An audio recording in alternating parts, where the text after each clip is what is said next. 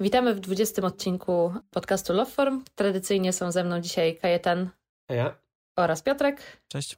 No i oczywiście ja, czyli Ania. W dzisiejszym odcinku będziemy rozmawiać o technologii, która nie przyjęła się w szerszej publice i nie będziemy się tutaj ograniczać tylko do smartfonów, ale do technologii ogólnie. Także e, myślę, że to będzie dosyć ciekawy odcinek, bo będziemy patrzeć w przeszłość i patrzeć, co ludzie myśleli, że będzie dobrym pomysłem, a okazało się dosłownie kompletnie przeciwieństwem tego. Także myślę, że tradycyjnie, Piotrek, masz dla nas jakąś ciekawą historię na początek?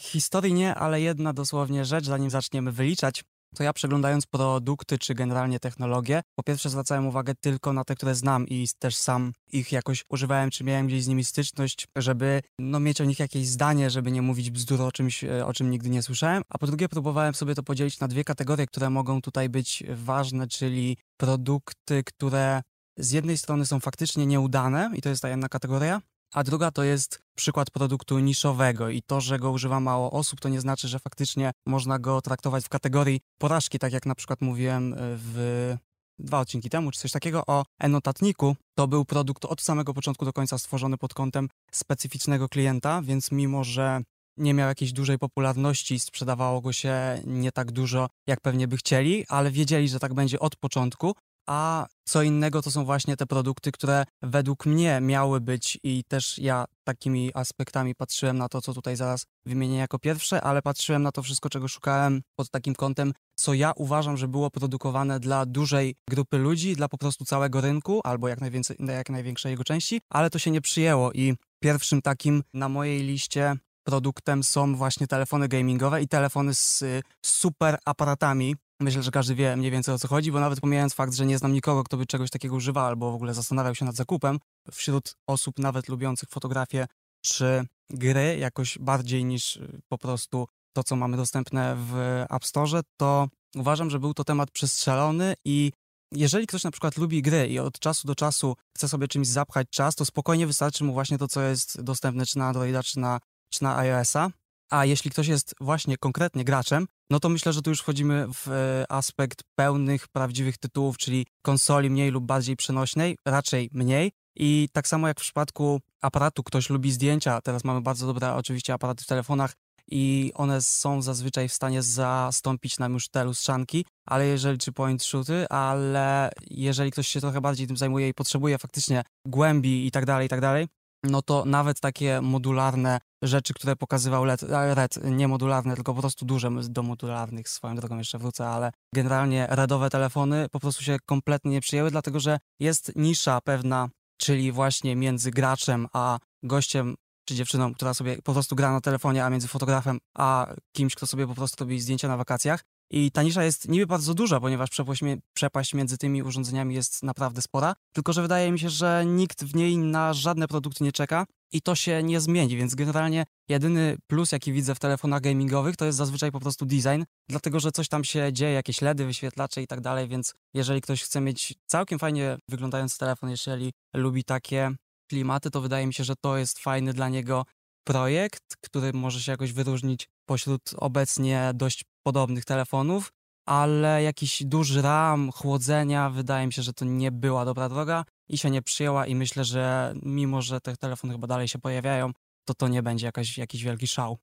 No jeżeli chodzi o telefony gamingowe, to ja tutaj się w 100% zgadzam, bo e, jeżeli by sobie tak popatrzeć na specyfikację tych telefonów, to one generalnie nie różnią się praktycznie niczym od flagowców od Samsunga czy Huawei, bo one mają dokładnie te same chipy w środku, mają e, takie same, e, taką samą ilość RAMu i tak dalej. E, to, czym się mogą różnić... No to RAM czasem jest wywalony akurat jeszcze w górę. No tak, ale... 16 czy 12 giga to telefony nie mają na co dzień jednak. Nie? Samsungi nie mają 16 giga? Nie, Absolutnie nie. nie. Nie, wydaje mi się. Aż sprawdzę. Teraz iPady z M1 mają i każdy był zdziwiony, więc telefony raczej... No tak, raczej no ale iPady to jest inna kwestia. E, zobaczmy, Samsung S21 RAM. No dobra, 8, macie mnie tutaj. Ale generalnie smartfony z 12 GB RAMu się dosyć często pojawiają, moim zdaniem, już w tym momencie, bo Android sobie nie radzi po prostu na e, niższych konfiguracjach. Także no powiedzmy czasami ekrany mogą się różnić, tak, bo e, zostanie tam wrzucone, nie wiem, 144 Hz na przykład, ale to mimo wszystko jest już, no pomiędzy 120 a 144 to nie masz tak dużej różnicy i no moim zdaniem nie jest ona jakoś bardzo zauważalna. No ja też jestem człowiekiem, który nie widzi specjalnie różnicy pomiędzy moim iPhone'em, który ma 60 Hz, a moim iPadem, który ma 120, więc nie wiem, czy jestem dobrą osobą, żeby to oceniać. Ale właśnie myślę, że największym tutaj plusem telefonów gamingowych jest właśnie to, że coś się tam dzieje i że e, one mają trochę taki bardziej krzykliwy design, ale no poza tym no to jest nadal telefon, to jest nadal kompaktowy form factor, w który nie można włożyć e, specjalnie więcej niż w każdy inny telefon, plus jest to ograniczone chipami, które są na rynku i dopóki jakaś e, firma typu Asus czy Razer, Shark i tak dalej, to dopóki oni nie zaczną tworzyć własnych chipów, to tak na dobrą sprawę te telefony nie będą się specjalnie różniły od tego, co jest dostępne na rynku, właśnie poza tym, jak one wyglądają, tak? Więc. No szczerze mówiąc, gdyby właśnie od samego początku to była taka seria takich samych w sumie telefonów jak topowe, tylko po prostu różniące się wyglądem, to myślę, że szczerze mówiąc sobie dla mnie miało więcej, więcej sensu niż pakowanie tam tych wszystkich mniej lub bardziej zbędnych dodatków, których raczej nawet gry na telefony nie wykorzystają ale gdyby to faktycznie od początku była tylko linia fajnie wyglądających, tak jak gamingowe biurka wiemy jak wyglądają, więc gdyby to była linia telefonów pasujących designersko, to to by dla mnie zupełnie wystarczyło. I nawet myślę, żebym się do tego nie przyczepił, dlatego że wtedy ludzie kupowaliby to faktycznie ze względu na wygląd, a łudzić się, że na tym super procesorze coś lepiej pójdzie, no... Jedyne co tutaj myślę, że może być takim odróżniającym czynnikiem jest to, że często te telefony mają dodatkowe guziki e, po bokach, które są autentycznie funkcjonalne, więc e, faktycznie można trzymać ten telefon bardziej jak e, taką przenośną konsolę typu Switch więc e, można faktycznie na nich mieć więcej funkcjonalności porównując do telefonów, które posługują się tylko tym, co jest na ekranie, bo mniej się ekranu zakrywa i tak dalej, ale no moim zdaniem to są tak inkrementalne zmiany czy ulepszenia, że no nie jest warto tutaj dawać tej otoczki czegoś bycia gamingowym, zwłaszcza, że często przy porównaniach telefonów. Jeżeli ktoś e, robi jakieś tam benchmarki i tak dalej na, na jakichś grach, to te osiągi tych telefonów gamingowych są dosłownie takie same jak właśnie flagowych Samsungów czy iPhone'ów, więc to jest kompletnie żadna różnica. To ja dla urozmaicenia tego może się nie zgodzę w takim razie, bo tak jak mówiliście Piotrek od początku od, o też telefonach z aparatami, w sensie dedykowanych pod fotografię, to no to totalnie to jest coś, co już się nie przyjęło, to już chyba umarło i chyba już nie robią takich rzeczy. Kiedyś w ogóle Sony robiło taki zupełnie dodatkowy obiektyw przyczepiany na jakiś hak do telefonu, na Bluetooth, a to się łączyło. Nie wiem, czy Samsung też nie robił czegoś podobnego, że gruby telefon i się wysuwał było, obiektyw. Było przez chwilę coś takiego. Tak, ale no to te telefony to już myślę, że upadły, to nam już historia pokazała, że upadły. Natomiast jeżeli chodzi o gamingowe, to tutaj właśnie tutaj bym się chciał nie zgodzić ewentualnie, a przynajmniej spróbować polenizować a, bo wydaje mi się, że ja nie jestem gamerem, więc trochę ciężko mi może mówić z tej perspektywy, ale z tego, co czasem widzę na Reddicie na przykład, czy, czy na innych miejscach, gdzie są ludzie, którzy gamerami są z krwi i kości i to są osoby, które no, potrzebują mieć jak najwięcej RGB w swoich komputerach, potrzebują mieć wiatraczki, jakiś water cooling specjalny, jakieś inne fajne zabawki, to dla nich taki telefon wydaje mi się, że nadal może być kolejną tego typu zabawką właśnie. Mają telefon, który teraz świeci. A co oni na tym grają? W PUBG, są w, tego Fortnite'a. W Fortnite'a grali jak był jeszcze w App Store, zresztą nie wiem, może wrócił, ale chodzi, no grają. Wydaje mi się, że jeszcze może być za wcześnie, żeby powiedzieć, że to już jest nieudany produkt, bo nadal wychodzą te telefony i w szczególności ten Asus, teraz wyszła co czwarta czy piąta generacja ROG Phone, czy szósta, więc to pokazuje, w sensie wydaje mi się, że nie robiliby kolejnych, gdyby to im się nie opłacało. A jeszcze Kajetan, jeśli śledziłeś Reddita i takie rzeczy, to czy oni najbardziej doceniają właśnie te dodatkowe przyciski, czy co jest w nich takiego... Ale nie, ja nie widziałem tam telefonów, ja mówię po prostu o osobach, którzy się uważają, w sensie, którzy są prawdziwymi gamerami, tam bardziej o PC. No ja wiem, ale właśnie skoro są gamerami i chcą takie telefony, to co w nich ich najbardziej przekonuje do takiego PUBG? Nie, nie wiem nic o telefonach. O telefonach to dorzuciłem z głowy. Ja widziałem ludzi, którzy mówią o PC, gdzie mają właśnie te... Nie, no to ja wiem, że są gamerzy, ale mówimy generalnie o telefonach dla tych osób, a nie o tym, że nie istnieje rynek gamerów. Tak, tak, a ja po prostu mówię, że nie, nie, nie widziałem, żeby ludzie dużo kupowało ten telefon, ale wydaje mi się, że może istnieć nisza. Patrząc, że są tacy ludzie jak gamerzy. Aha, bo tak, bo tak zacząłeś, myślałem, że właśnie znalazłeś tę niszę i ona jest taka duża, a to mówisz po prostu o gamerach na Reddicie. No mniej więcej, tak. Od tego wydawało mi się, że wyszedłem. Chodzi mi, że wydaje mi się, że są osoby, które mogą być zainteresowane tego typu telefonami. I widać, że wychodzą te telefony i mają coś w sobie. I też jak Ania mówiłaś o tym, że to są tylko inkrementalne zmiany i że to źle, to ja bym powiedział, że to wcale nieźle, to dobrze, bo ciężko jest wynaleźć od nowa koło i zrobić zupełnie coś, czego nie widzieliśmy wcześniej. Da się, ale na razie telefon dalej, wszystkie są dosyć podobne do siebie i właśnie takimi inkrementalnymi rzeczami one się od siebie są w stanie trochę wyróżnić, wydaje mi się, jeżeli są w ogóle w stanie, to właśnie czymś takim, czy tym, że się składają, rozkładają, czy mają jakieś super szybkie wyświetlacze 144 Hz. Mają resik. Tak, czy właśnie jakieś gigantyczne baterie, które też w nich są, czy dwa porty do ładowania, żeby jeden był do ładowania, a drugi do czegoś tam. Bo trochę jest takich funkcji dla gamingowych telefonów, których nie znajdziesz w, dzisiaj, w takich naszych telefonach. Typu właśnie oprócz tego chłodzenia, jakieś funkcje streamingowe chociażby, czy ładowanie te, typu, że tylko z ładowarki korzysta i nie z baterii, więc wtedy nie niszczy się ładowa- te, bateria telefonu, kiedy grasz i się ogrzewa bardzo mocno, bo po prostu nie korzysta z baterii, a z zewnętrznego źródła prądu. Czy no te aparaty się coraz lepsze w tych telefonach robią, co jest też na plus, żeby je normalnie użytkować.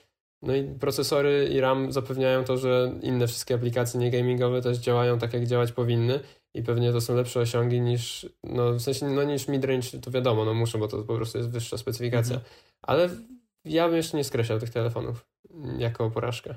One będą sobie taką niszą, bardzo, bardzo niszą, więc nie dałabym ich jako nieudane produkty ogólnie, ale e, jak na moje, to one były celowane w o wiele większą grupę ludzi. Tak, właśnie o tym mówiłem, dokładnie się zgadzam. Oni myśleli, że jednak więcej osób będzie potrzebowało takich dodatków, czy te przyciski, czy chłodzenie, no. czy to wszystko. A jednak to się okazała mała nisza, skoro wychodzą nowe, to faktycznie może opłacalna, ale tak jak mówiłem na początku, pod kątem generalnego, dużego rynku telefonów, to to nie jest y, sukces. Nie, nie jest. No, ciężko się wbić na sukces, gdzie masz właśnie Samsunga, Apple, Huawei'a i niewiele więcej w sumie. LG sobie nie poradziło. To nie jest łatwo się wbić już na taki rynek, jak widać. Ale może z niszą będą usatysfakcjonowani. Może to też jest opłacalny rynek. Nie wiem, nie mam totalnie żadnych liczb na ten temat, więc ciężko się coś wypowiadać. No myślę, że powoli możemy przejść dalej, bo naprawdę dość długo o jednym, a tutaj mamy po kilkanaście wszyscy, więc kto tam w kolejności dalej?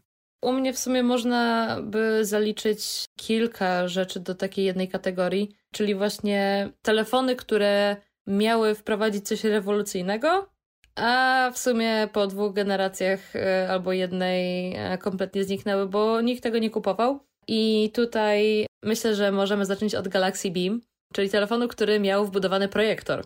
W założeniu brzmi świetnie, no bo przecież mogę sobie z telefonu wyświetlić na ścianę film czy cokolwiek, tak? No tylko, że problem z tym był taki, że ten projektor wcale nie był super świetnej jakości, a powodował tylko, że telefon był o wiele, wiele grubszy niż mógłby być i skończyło się na tym, że telefon był po prostu tragicznie nieporęczny, a funkcjonalność tego projektora nie była jakaś yy, nie wiadomo jaka i po jednej generacji telefon po prostu został odłożony ładnie na półkę i nigdy więcej nie został już dotknięty przez yy, Samsunga, z tego co mi wiadomo. Także nie wiem, czy wy słyszeliście o tym. Ja słyszałem. Zastanawiam się w ogóle, na ile rynek projektorów. Bo kiedyś mi się wydawało, że projektory to będzie to, tak, też jakaś trochę większa przyszłość, a tak na co dzień totalnie nie mam styku z projektorami. Wiadomo, że w jakichś biznesowych czasem rzeczach to są, ale jakby duże telewizory są na tyle też tanie już powoli, że w sumie często są po prostu telewizory czy innego typu ekrany, a nie projektory. Jestem ciekaw, czy projektory też można jakoś uznać za porażkę w sumie. Ja akurat mam bardzo dużo znajomych, którzy używają projektorów i okay. że, szczerze mówiąc, mam więcej znajomych, którzy mają projektory niż którzy mają telewizory, bo y, naprawdę dobry projektor można dostać za 200 euro, a taki porządniejszy, duży telewizor, no to trzeba tak 400-500 euro dać, więc no słabo. Plus przewie przewiezienie telewizora jest o wiele trudniejsze niż przewiezienie projektora, więc tutaj akurat y, myślę, że na, nad tym bym się tutaj nie, nie zastanawiała na razie jeszcze. Nie, nie, jestem ciekaw po prostu, no. A ty, Piotrek, słyszałeś o tym BIMie, czy, czy ten, czy niekoniecznie? Widziałem bardzo podobne urządzenie. Nie wiem, czy to właśnie był Samsung z takim. Nie wiem, czy on się charakteryzował tym, że miał żółtą otoczkę, może, czy to była zupełnie e, inna? nie, to jest telefon, do którego zaraz przejdę. Okej, okay. ja tylko jedno słówko chciałem właśnie o samych telefonach, bo jest coś takiego, gdzieś tam wyczytałem w internecie, projekt ARA z 2014 roku, czyli ARA, ten taki, mhm. nie wiem czy jeden z pierwszych, ARA tak, y, myślałem, że to jakiś skrót, więc tak przeczytałem, czy ten Tak. jeden z pierwszych chyba modularnych telefonów, nawet zakładając, że ta podstawa z kilkoma modułami byłaby tańsza, to myślę, że ludzie i tak wolą dopłacić trochę więcej i, i mieć kom kompletne urządzenie, a nie oszczędzać kilkadziesiąt złotych, ale w pewnym momencie okazałoby się, że nie masz Bluetootha albo Zooma w aparacie, więc myślę, że od początku to było y, pokazanie, że możemy odłączyć coś od telefonu i jakoś sprzedawać te części oddzielnie, natomiast przy obecnych cenach podzespołów i możliwościach telefonów za 1000 zł to jest po prostu bez sensu. To jest ciekawe, bo same modularne telefony to jest osobna rozmowa. No to właśnie był taki jeden przykład na, na tym konkretnym, na tej matce. Ale też były inne projekty i teraz chyba jest jakiś obecny, który sobie w miarę, nie wiem czy dobrze radzi, ale w Europie chyba funkcjonuje. Chyba z Holandii jest, jak e, MKBHD miał na podcaście, mówił o tym ostatnio, może nie wiem czy ktoś z was słyszał, Nie słuchałam, wiesz, jeszcze. Też nie? to właśnie mówił, że jest firma w Holandii, która robi teraz modularne telefony. Znaczy, hmm, no modularne to jest tak, że do tego, że wszystko da się wymienić. Może nie, no tak, no modularne było, że w sumie, że popsuje się ekran, to można nowy ekran wrzucić, popsuje się aparat, można nowy aparat. Nie wiem, i też no, lepszy aparat też pewnie można tak samo na tej zasadzie. Nie wiem, jak dobrze sobie radzą, ale istnieje coś takiego i ta firma chyba jeszcze nie upadła, więc możemy jeszcze poczekać, zobaczymy, co się stanie dalej. Generalnie to na pewno można zobaczyć pod takim kątem, że to jest projekt teoretycznie skierowany do wszystkich, bo tam się nic nie wyróżnia, to jest po prostu inny telefon, więc zakładamy, że rynkiem jest każda osoba z telefonem, więc to już jest naprawdę walka na, na dużych liczbach i, i tak myślę, tak jak zakończyliśmy o LG i tak dalej, także jeżeli to potrwa kilka generacji, to będę bardzo zdziwiony. No, tam jest całym argumentem też ekologia, nie? Że, żeby nie wywalać całego telefonu, kiedy jeden element się zepsuje, tylko móc dbać bardziej o środowisko i minimalizować jednak te śmieci. Nie wiem, na ile to jest w praktyce się przekłada, ale sama idea jest całkiem spoko. No ale Ania, jeszcze kilka rzeczy właśnie, które mogą włożyć do telefonów ludzie? Generalnie chciałam przejść do tego telefonu, o którym ty właśnie wspomniałeś, Piotrek, ten z żółtą otoczką. To był telefon, który był e, zakrzywiony. E, nie, niestety nie byłam w stanie znaleźć jego nazwy, ponieważ za każdym razem jak wpisuję Curved Banana Galaxy Phone, czy cokolwiek z tym związanego, to po prostu dostaję Curved Samsung Displays i nie mogę znaleźć tego telefonu, ale generalnie był taki telefon, który był e, delikatnie zakrzywiony, taki w kształcie nawiasu, żeby się go łatwiej trzymało w ręce, ale też właśnie była tylko i wyłącznie jedna generacja tego produktu, co myślę było zrozumiałe, bo to był chyba albo S4, albo S3, albo S4. To był moment, w którym Samsung generalnie robił bardzo dziwne rzeczy z telefonami. W każdym razie e, ten telefon się kompletnie nie przyjął. E, z tego co wiem, był kompletnym flopem sprzedażowym. Także nawet się nie dziwię, jeżeli nigdy o nim nie słyszeliście, bo po prostu mało o nim było mówione kiedykolwiek. Chyba, że słyszeliście. Chyba nie. No dobra, przechodząc dalej. Samsung Galaxy S4 Zoom, czyli telefon, który z przodu wyglądał jak normalny telefon, czyli miał e, dotykowy ekran i tak dalej, a z tyłu wyglądał jak e, kamera cyfrowa. Ja nie wiem, czy na pewno mieliście e, kiedyś Z zoomem optycznym taki wyciągany. tak, tak, tak, tak, tak, Tak. dokładnie tak. Czyli kompletnie mamy znowu coś, co miało być takim świetnym produktem, no bo przecież ma super kamerę e, wbudowany telefon, no tylko pojawił się problem grubości telefonu. To było coś, czego się już po prostu nie, no nie było w stanie łatwo używać czy włożyć do kieszeni, bo po prostu było za grube i e, za dużo było tego tej części aparatowej, a za mało części telefonowej, bo z tego co wiem, tam bateria też była o wiele mniejsza niż w normalnym Galaxy S4.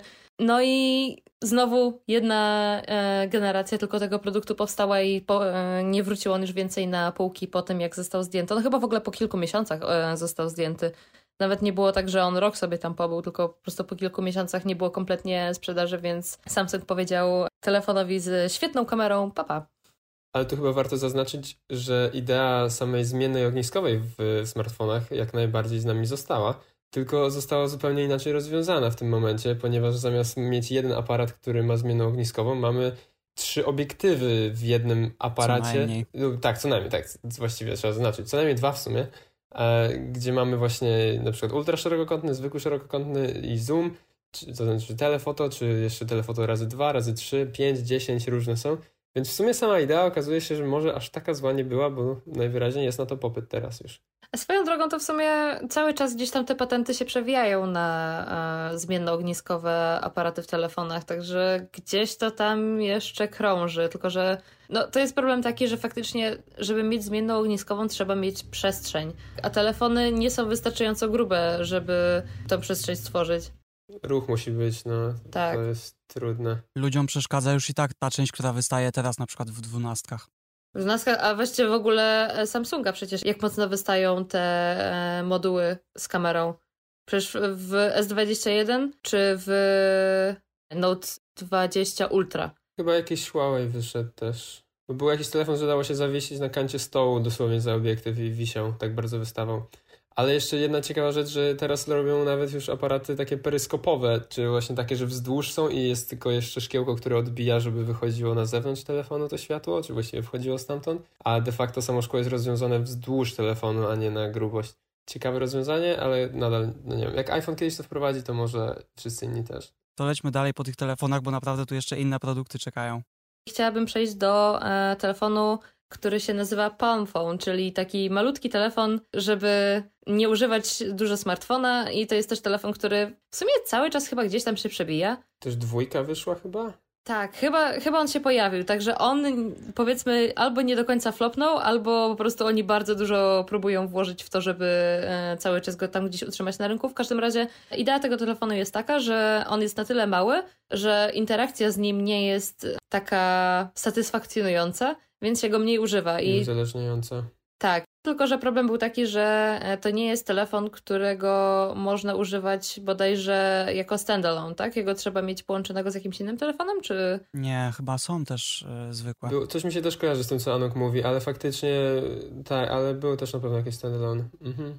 Możliwe, że pierwszy koncept był taki, żeby to był tylko dodatek do telefonu, właśnie żeby na weekend sobie powiedzmy się wyciszyć bardziej i tak dalej, ale tutaj e, nie do końca jestem pewna, jak to wyszło koniec końców. Wydaje mi się, że oni od samego początku budując to wiedzieli na co się piszą i nie zaliczyłbym ich do dzisiejszej kategorii, dlatego że to miał być taki gadżecik po prostu. Nie wydaje mi się, żeby oni naprawdę myśleli, że kilkaset milionów osób kupi sobie weekendowy telefon. Szczególnie, że można kupić No. W sumie rację. Poza tym mamy Apple Watch z LTE i inne zegarki też z LTE po prostu. W każdym razie myślę, że to jest technologia, która właśnie nie przyjmie się na żadną większą skalę i właśnie może zostanie takim produktem niszowym, może ta nisza się właśnie utworzy dla tych telefonów, ale jakby porównując to do skali rynku smartfonowego, no to jest bardzo, bardzo malutka część. Dobra, przechodząc do następnego telefonu, trochę już yy, gadam. Essential 2, czyli telefon, który wyglądał jak bardzo nowoczesny i futurystyczny pilot do telewizora, ponieważ był bardzo wąski, bardzo długi. Wyszedł w czterech kolorach bodajże, a potem się okazało, że Andy Rubin, czyli właściciel Essentiala, e, miał jakieś tam problemy z mobbingiem i tak dalej, i tak dalej, także tam powiedzmy to też pewnie przez to trochę upadło, ale sam koncept telefonu moim zdaniem, gdyby nawet ten telefon wyszedł, to on nawet by nie miał jakiejś niszy specjalnej, bo ten telefon nie robi absolutnie nic innego poza tym, że ma inny form factor. Jak pilot od Apple TV, ten nowy. Tylko, że bez przycisku Siri na boku. Tak. Ale nawet brzydszy bym powiedział. Nawet pilot jest ładniejszy niż to, bo jest metalowy, a tu widzę raczej plastik po zdjęciach.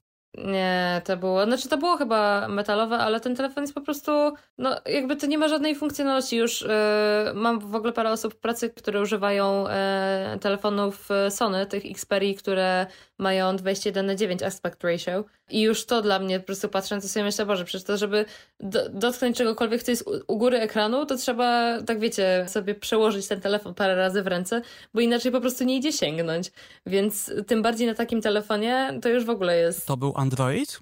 Tak. U, no to trzeba by było jeszcze system do tego przebudować, No. także dużo roboty.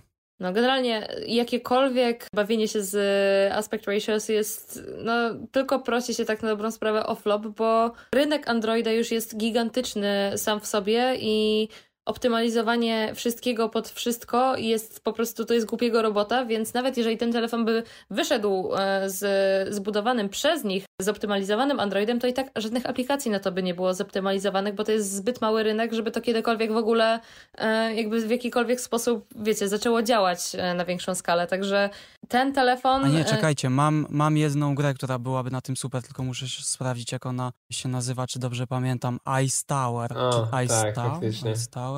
IC Tower było, no. IC Tower, no, no, no, no. no. Tetris. Też. Nie, za wąskie. Długo by spadał po prostu. Zapełnił szerokość To długo taka spadał. kulka odbijająca się od podstawy na dole i rozwalająca klocki. O, no. Tak. Wszystkie No, oldschoolowe gry. Tutaj, tylko Pong też by strasznie długo leciał z końca na koniec. Ale wyobrażam to sobie. Dobra, ostatni. To jest Energizer Phone. To jest baterią taką pewnie gigantyczną.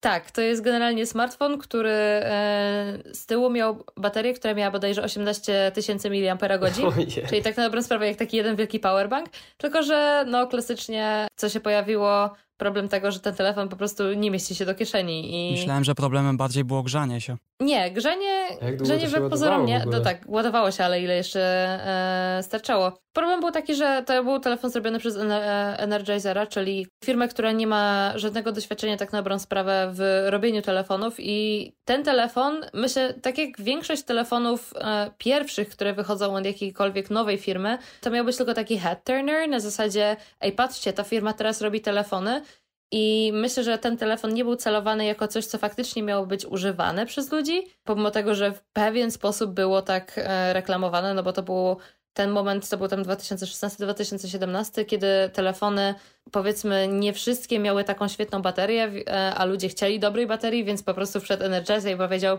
powerbank z tyłu telefonu, how about that? Dla słuchaczy audio, dla jakiegoś punktu odniesienia, był grubości trzech telefonów. Trzech dokładnie, też na to patrzę i czekałem tylko na jakąś przerwę, ale potwierdzam. Wygląda strasznie. Tragedia.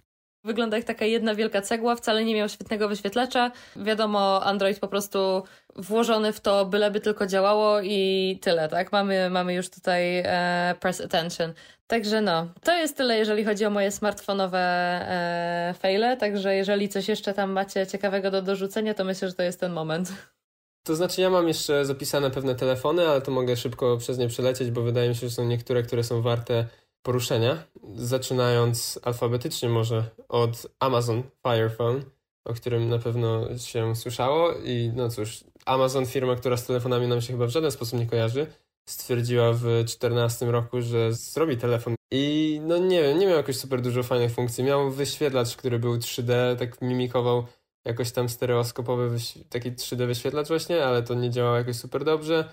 A podobno był, w sensie no, no właśnie nie miał żadnej niszy, w którą celował szczególnie, tylko chciał być dobrym smartfonem, a nie był. I przez to przegrali w sumie. Bo, tak jak czytałem, to znalazłem informację, że w sumie gdyby mogli jakoś bardziej targetować się na jakąś niszę typu, nie wiem, do robienia zakupów online, bo to Amazon, czy list zakupów, no cokolwiek z e-commerce, to może by mieli jakiś większy potencjał, żeby stamtąd zacząć i iść potem dalej na szerszy rynek, ale nie zdążyli, bo po roku już nie było tego telefonu, wycofali go. I jakieś 170 milionów dolarów poszło na to, z tego co widziałem, co najmniej. Także Welps to flop trochę. Idąc z wielkimi firmami robiące smartfony, warto myślę jeszcze poruszyć tele, temat telefonu Windows Phone, który istniał kiedyś.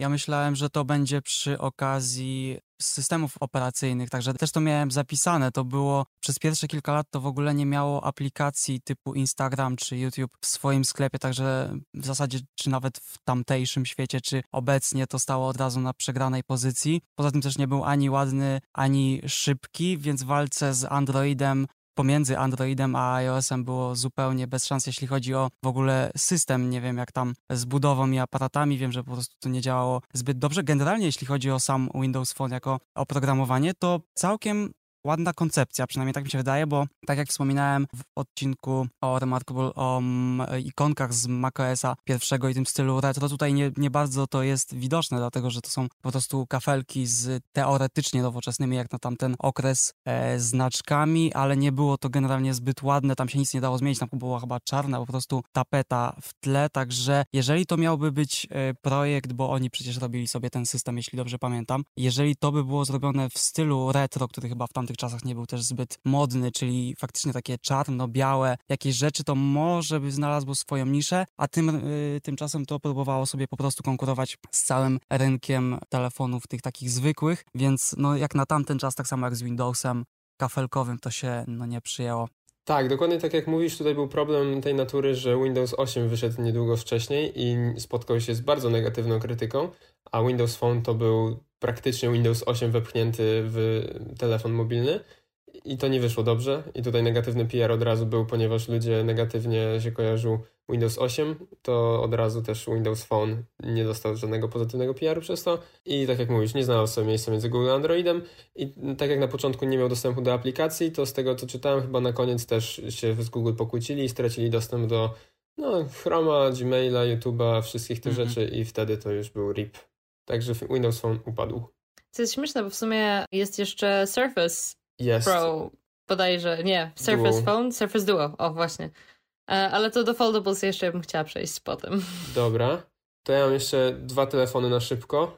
Jeden z nich to Motorola Rocker E1, nie wiem, Rocker czy Rocker, cokolwiek, E1 z 2005 Rocker, roku. Jak Razer. No właśnie, może być, może być. Tak, tak, tak. I to jest z 2005 roku, gdzie zauważmy, że to 2005, także przed iPhone'em jeszcze.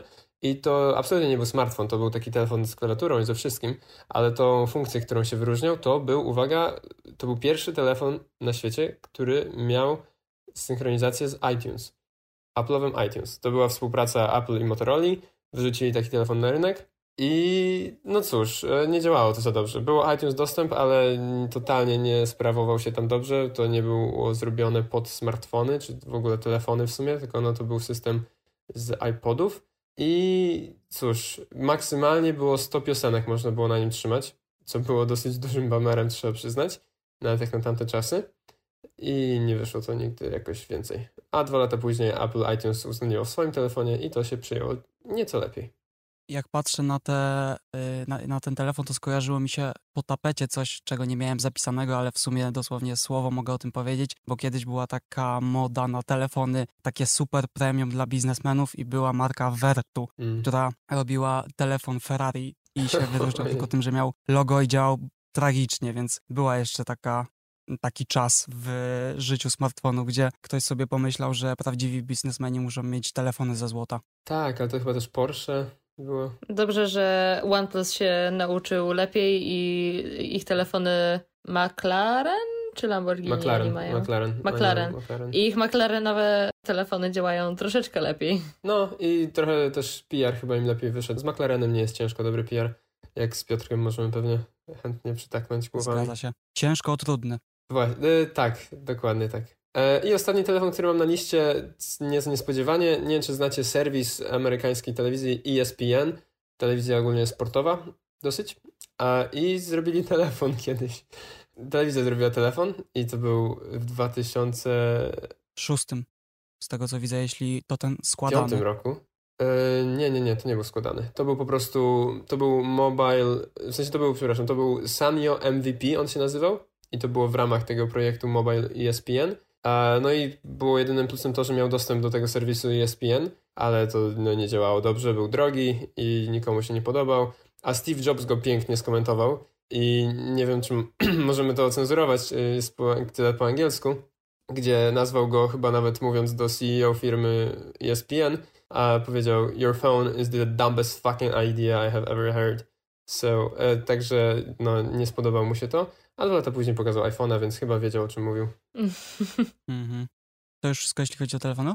Tak. No u mnie, jeżeli chodzi o telefony, to ja mam tylko foldables, ale to jakby osobna kategoria, jak na moją. To za chwilkę się pokłócimy. Jej. Ale ja tylko o jednej technologii tym razem, od której ty chyba Kajetan zacząłeś, czyli, znaczy nie zacząłeś, ale wtrąciłeś, że w jednym z telefonów było 3D. Było, w Amazon. I ja mam tu właśnie o technologii samej 3D i tutaj nie ma znaczenia, czy chodzi o telewizor, komputer, telefon, czy nawet kino. W ogóle pomysł konwersji obrazu na jakieś pseudo-trójwymiar uważam za mocno przestrzelony. Generalnie technologia bardzo lubi optymalizację i wyrzucanie zbędnego sprzętu i kazanie ludziom zakładać sobie dodatkowe okulary w przypadku właśnie takiego 3D, na przykład w kinie, czyli dodatkowe coś, co musisz mieć cały czas na głowie jest średnim pomysłem. Tak samo nawet jeśli chodzi o bezokularowe 3D, to wydaje mi się, że tutaj to było tak. Za każdym razem, kiedy miałem z tym styczność, czy w telewizorze, czy raz z telefonem, jednym, który coś takiego miał, to wydawało mi się, że to jest takie gadżeciarskie kupowanie mojej uwagi, więc uważam, że nie była to i to też jest w bardzo wielu spisach technologii właśnie nieudanych, więc po prostu trzeba było o tym wspomnieć, że to jest jedna z tych rzeczy, która w sumie była w dużej części domów, bo telewizory z funkcją 3D gdzieś tam się pojawiały, ale z tego co widzę już odchodzi, bo to po telewizorach widać, że już 3D nie jest w topowych w ogóle reklamowane. Teraz się przerzuciliśmy na równie mało potrzebne 8K, przynajmniej na tę chwilę. No ale generalnie była to jedna z rzeczy, która się zupełnie nie przyjęła, a chyba firmy miały co do tego bardzo dużo nadzieję. Ja kiedyś pamiętam, chyba w jakimś Mediamarkt czy, czy gdzieś siedząc, to było specjalne stanowisko, gdzie można było usiąść i oglądać telewizor Tak, 3D. były takie rzeczy. No i to chyba jedyne miejsce, gdzie widziałem w życiu taki telewizor. Jednak okazało się, że ludzie nie potrzebują statka kosmicznego zbliżającego się w kadrze w ich stronę. Ale wiesz, w kinach w sumie to się w miarę przyjęło, te filmy 3D, chociaż też może nie aż tak pewnie, jak były na to nadzieje. Myślę, że dużo- nie tak no, jak chcieli właśnie. no. Tak, tak. Natomiast jeżeli chodzi jeszcze o technologię 3D, to spróbowałbym wtrącić tutaj jeden produkt, jeżeli mogę, Mhm. a również z tym powiązany. Jest to produkt od firmy, którą wszyscy znamy, myślę, z tego, że odnosi sukcesy, Nintendo, jeżeli chodzi o ich konsole do gier. Natomiast y, kiedyś stworzyli właśnie konsolę, która sukcesem się nie okazała. Konsola nazywała się Nintendo Virtual Boy i była to pierwsza konsola z wyświetlaczem właśnie takim 3D, w cudzysłowie mówiąc 3D i cudzysłowie to było zapisane 3D, bo to nie było prawdziwe 3D oczywiście, to był rok 95, tylko dopowiem. No i to była konsola VR.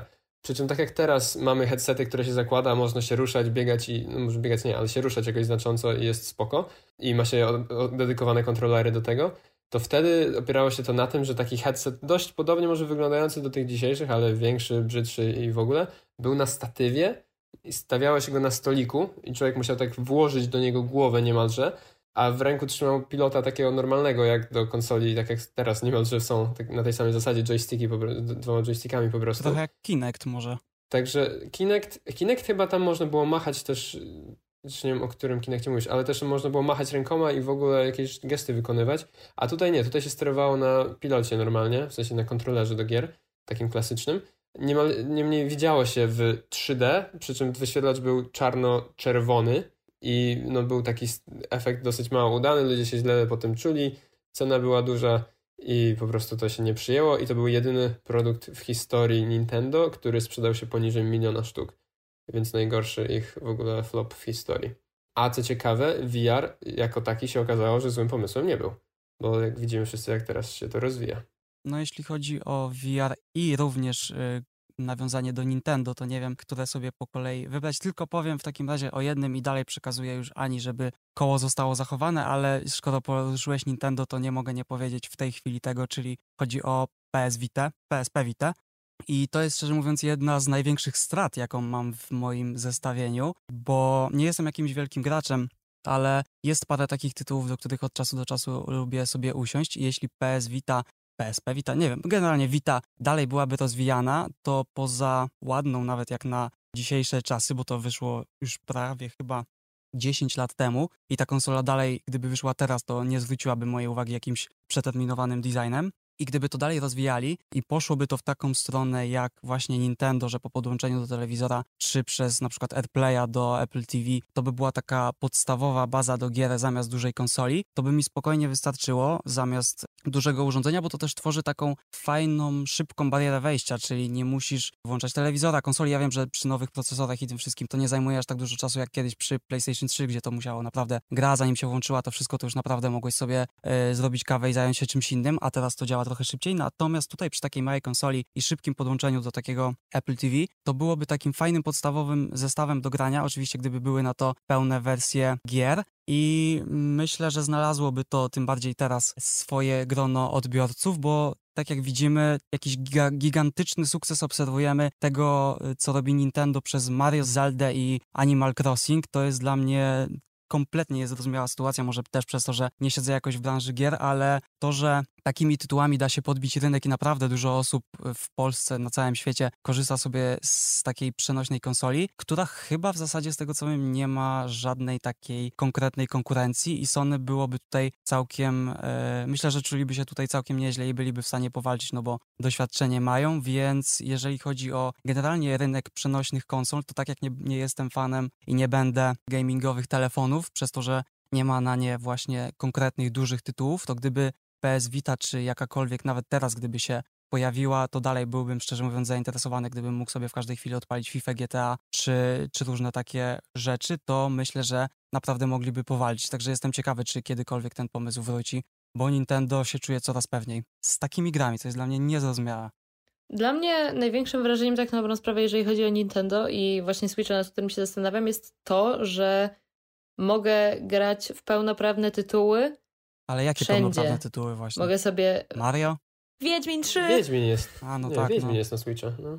Ale nie, no generalnie e, zagrałabym sobie właśnie w Zelda Breath of the Wild, e, ale no nie mam za bardzo jak, bo nie mam konsoli. Mnie odpychała już na początku, zanim w ogóle zagrałem, to generalnie wygląd tych gier, czy no, znaczy wiedziałem jak wygląda Mario, ale w momencie, gdy się dowiedziałem, że praktycznie wszystkie gry są takie animowano-dziecięce w cudzysłowie, chociaż dla mnie, szczerze mówiąc, nie, nie w cudzysłowie, w porównaniu właśnie z takimi wielkimi tytułami y, znanymi z Xboxa czy z PlayStation, to takie gierki naprawdę yy, ciekawy jestem, chciałbym porozmawiać z kimś, kto lubi takie rzeczy, czy to jest jakiś, jakiś retro styl, który on też lubi, czy co w tej animacji jest takiego fajnego. To jest Nintendo styl trochę, nie? Znaczy, myślę, że tutaj też trzeba wziąć pod uwagę to, że w tego typu grach e, animacja jest tylko jednym z wielu elementów. To jest gameplay, jest historia, więc to nie jest tylko animacja, która, czy, czy styl graficzny, który jest decydującym czynnikiem, jeżeli chodzi o kupno danej gry, ale jakby tutaj jest o wiele, wiele więcej tego i to jest często też nostalgia, bo to jest po prostu któraś kolejna jakby część e, w serii, bo Zelda to nie jest tylko Breath of the Wild, które wyszło na Switcha, ale to są, to jest ileś poprzednich części, więc um, ciężko mi jest powiedzieć, bo nigdy nie grałam, ale wiem, że na pewno składa się na to o wiele, wiele więcej rzeczy niż tylko sam styl animacji. Klimat, no każdy ma swój gust, nie? Z gustami ciężko dyskutować. Nie no, z pewnością po prostu ja to pod takim kątem też oceniam, dlatego że no, to, na co patrzymy grając w grę jest jednak dość ważne, a ta po prostu stylistyka no mnie nie odpowiada, ale rozumiem. Następna rzecz, do której ja bym chciała przejść, to no tutaj jeszcze jakby to nie jest kategoria, która w jakikolwiek sposób się rozwinęła, bo mieliśmy tylko taki bardzo alfa produkt, nawet nie był beta produkt, e, czyli Google Glass i coś, e, co było powiedzmy bardziej tak wycelowane konsumencko już, czyli e, Snapchat Glasses. Generalnie dla mnie smart okulary, właśnie dlatego jestem bardzo ciekawa, jak Apple to zrobi, bo wiem, że oni pracują nad tym od dłuższego czasu i jakoś gdzieś w przyszłym roku ma to wyjść. Jestem ciekawa, co oni takiego zrobią z tym, żeby a, wyglądało to normalnie, bo umówmy się, Google Glass e, nie wyglądało jak coś, co, co, coś, co normalnie się widzi na ulicy, to raczej ktoś wyglądał jak jakiś tajny agent czy coś. Znaczy, no właśnie ich problemem było głównie to, że nie były dyskretne i każdy wiedział, że tam jest kamera, która cały czas coś nagrywa, więc myślę, że one wyszły po pierwsze trochę za szybko, ale no, ludzie podchodzili do nich właśnie nieufnie przez no, soczewkę skierowaną prosto w nich. Także myślę, że to był największy problem, a właśnie ta prostota okularów w Spectacles dobrze pokazała, że jest y, to całkiem fajny rynek być może na przyszłość, dlatego też, że to przez pewien czas był naprawdę fajny gadżet. I myślę, że w erze vlogów i TikToka i tak dalej, gdyby teraz, a nawet byłem wczoraj na ich stronie, bo też miałem to urządzenie zapisane, oni dalej robią te okulary, już wyszła nawet czwarta, zapowiedziano czwartą generację Spectacles i myślę, że gdyby zamknęli tę firmę i założyli nową, to pod inną troszkę nazwą, jako generalnie okulary do social mediów, to wydaje Tak, mi się, tak. że mm, jeśli zrobiliby dobrą reklamę wśród dużych twórców, to nawet inni zaczęliby je brać, bo tak jak teraz w przypadku ery TikToka zaczęły być popularne po prostu statywy do telefonów, no bo wiadomo jak się je nagrywa. Tak samo okulary myślę, że dobrze zintegrowane byłyby fajne, dlatego że Spectacles wszyscy kojarzą właśnie ze Snapchatem. Także gdyby nie były kojarzone tak mm, z tą platformą, bo ludzie myślą, że to działa tylko z tym, a chyba nie do końca już można sobie normalnie zgrywać wideo, gdyby w umyśle ludzi doszła do nich informacja, że to są generalnie okulary, które zgrywają ci 300, nie 360, to było takie, jaki to był w ogóle e, format, który z tego wychodził? 360, tylko trzeba było się obracać, Coś, coś takiego, jakoś jakoś takie było ruchome. dziwne strasznie to było. W jakiś sposób to było ruchome.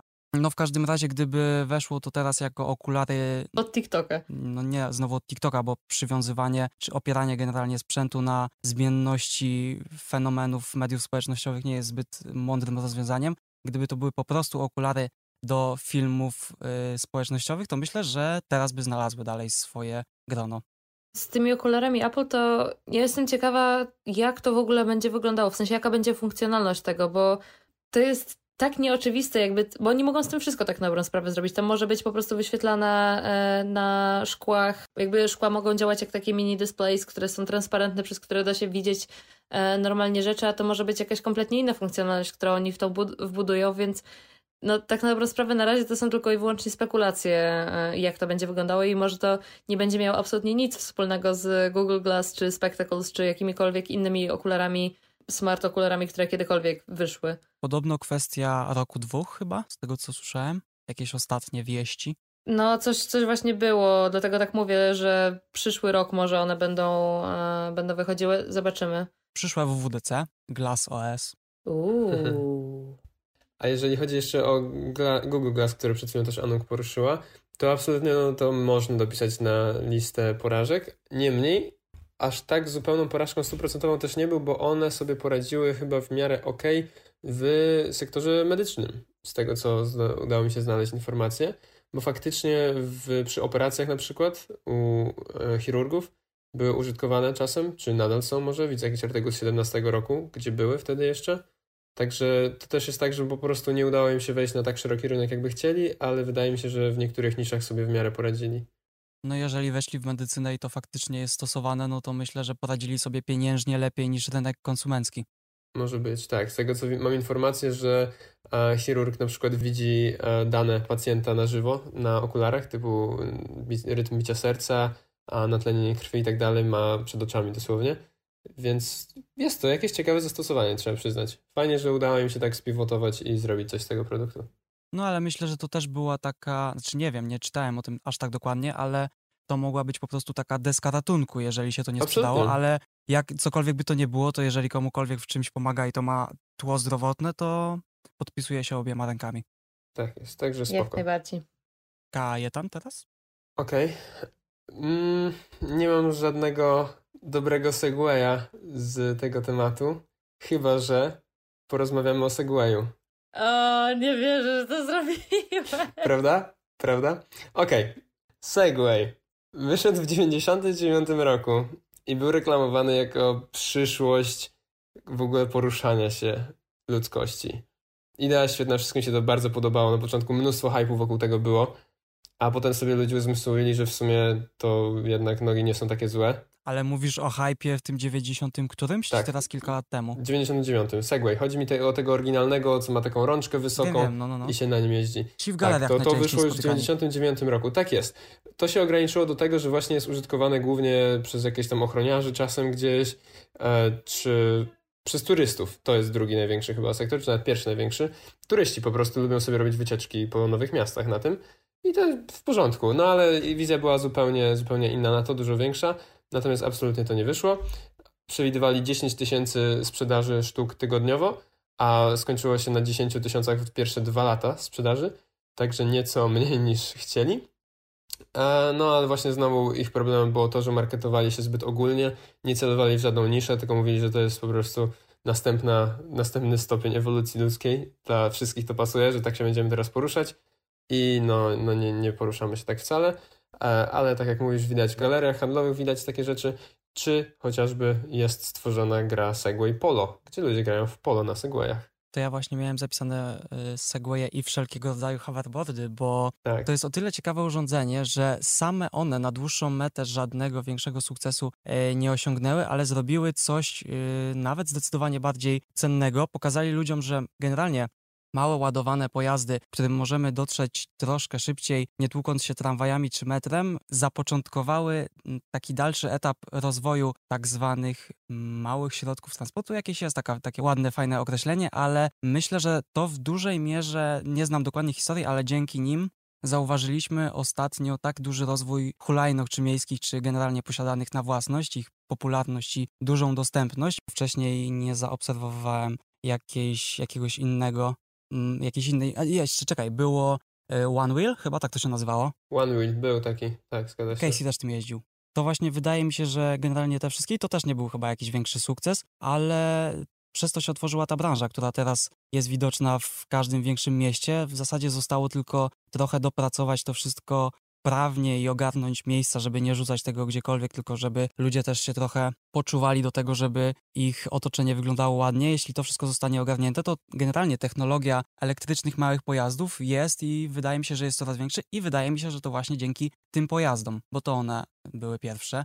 Nie wyszły, no ale skończyło się całkiem nieźle, chociaż no, brud w miastach trochę jest.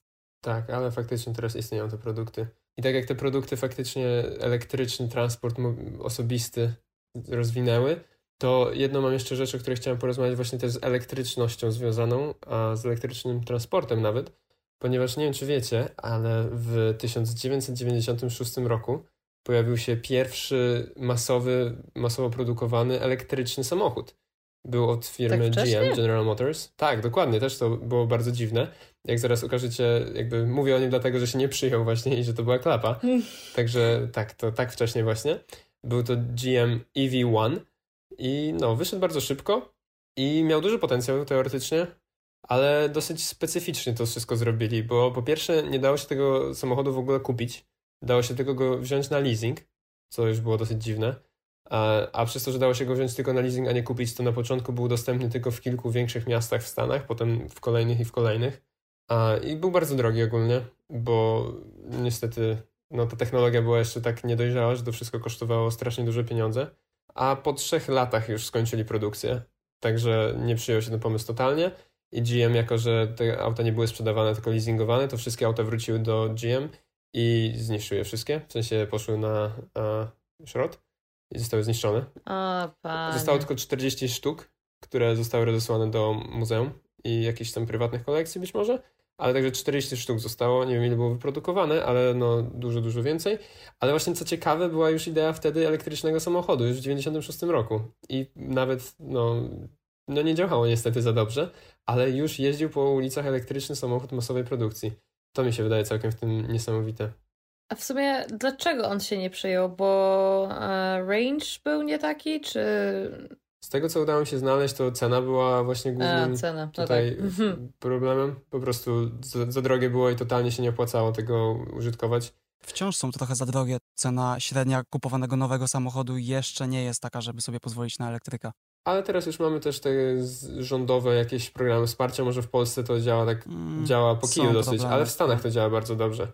W Holandii generalnie jest tak, że e, tutaj podatki na nieelektryczne samochody są tak wysokie, nie tylko przy kupnie, ale też przy użytkowaniu normalnie, że naprawdę bardziej się opłaca dopłacić chociaż trochę i kupić sobie Tesla, aniżeli samochód, powiedzmy tradycyjne paliwa, czy gaz, czy benzynę, czy diesla i po prostu mieć tego elektryka nowego, dopłacić właśnie trochę więcej, ale nie musieć płacić tych wszystkich podatków, które są naprawdę tragicznie wysokie tutaj.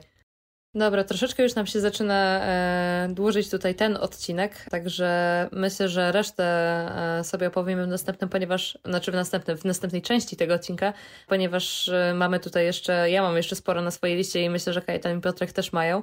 Także ten odcinek, żeby już nie przedłużyć za bardzo, myślę, możemy zakończyć i w zależności od tego, kiedy e, słuchacie albo czy zamierzacie dalej słuchać, to albo słyszymy się za chwilę, albo za jakiś czas. Także kończymy z przytupem, samochodami elektrycznymi, a następną część tego odcinka zaczniemy zaraz od następnego przedmiotu.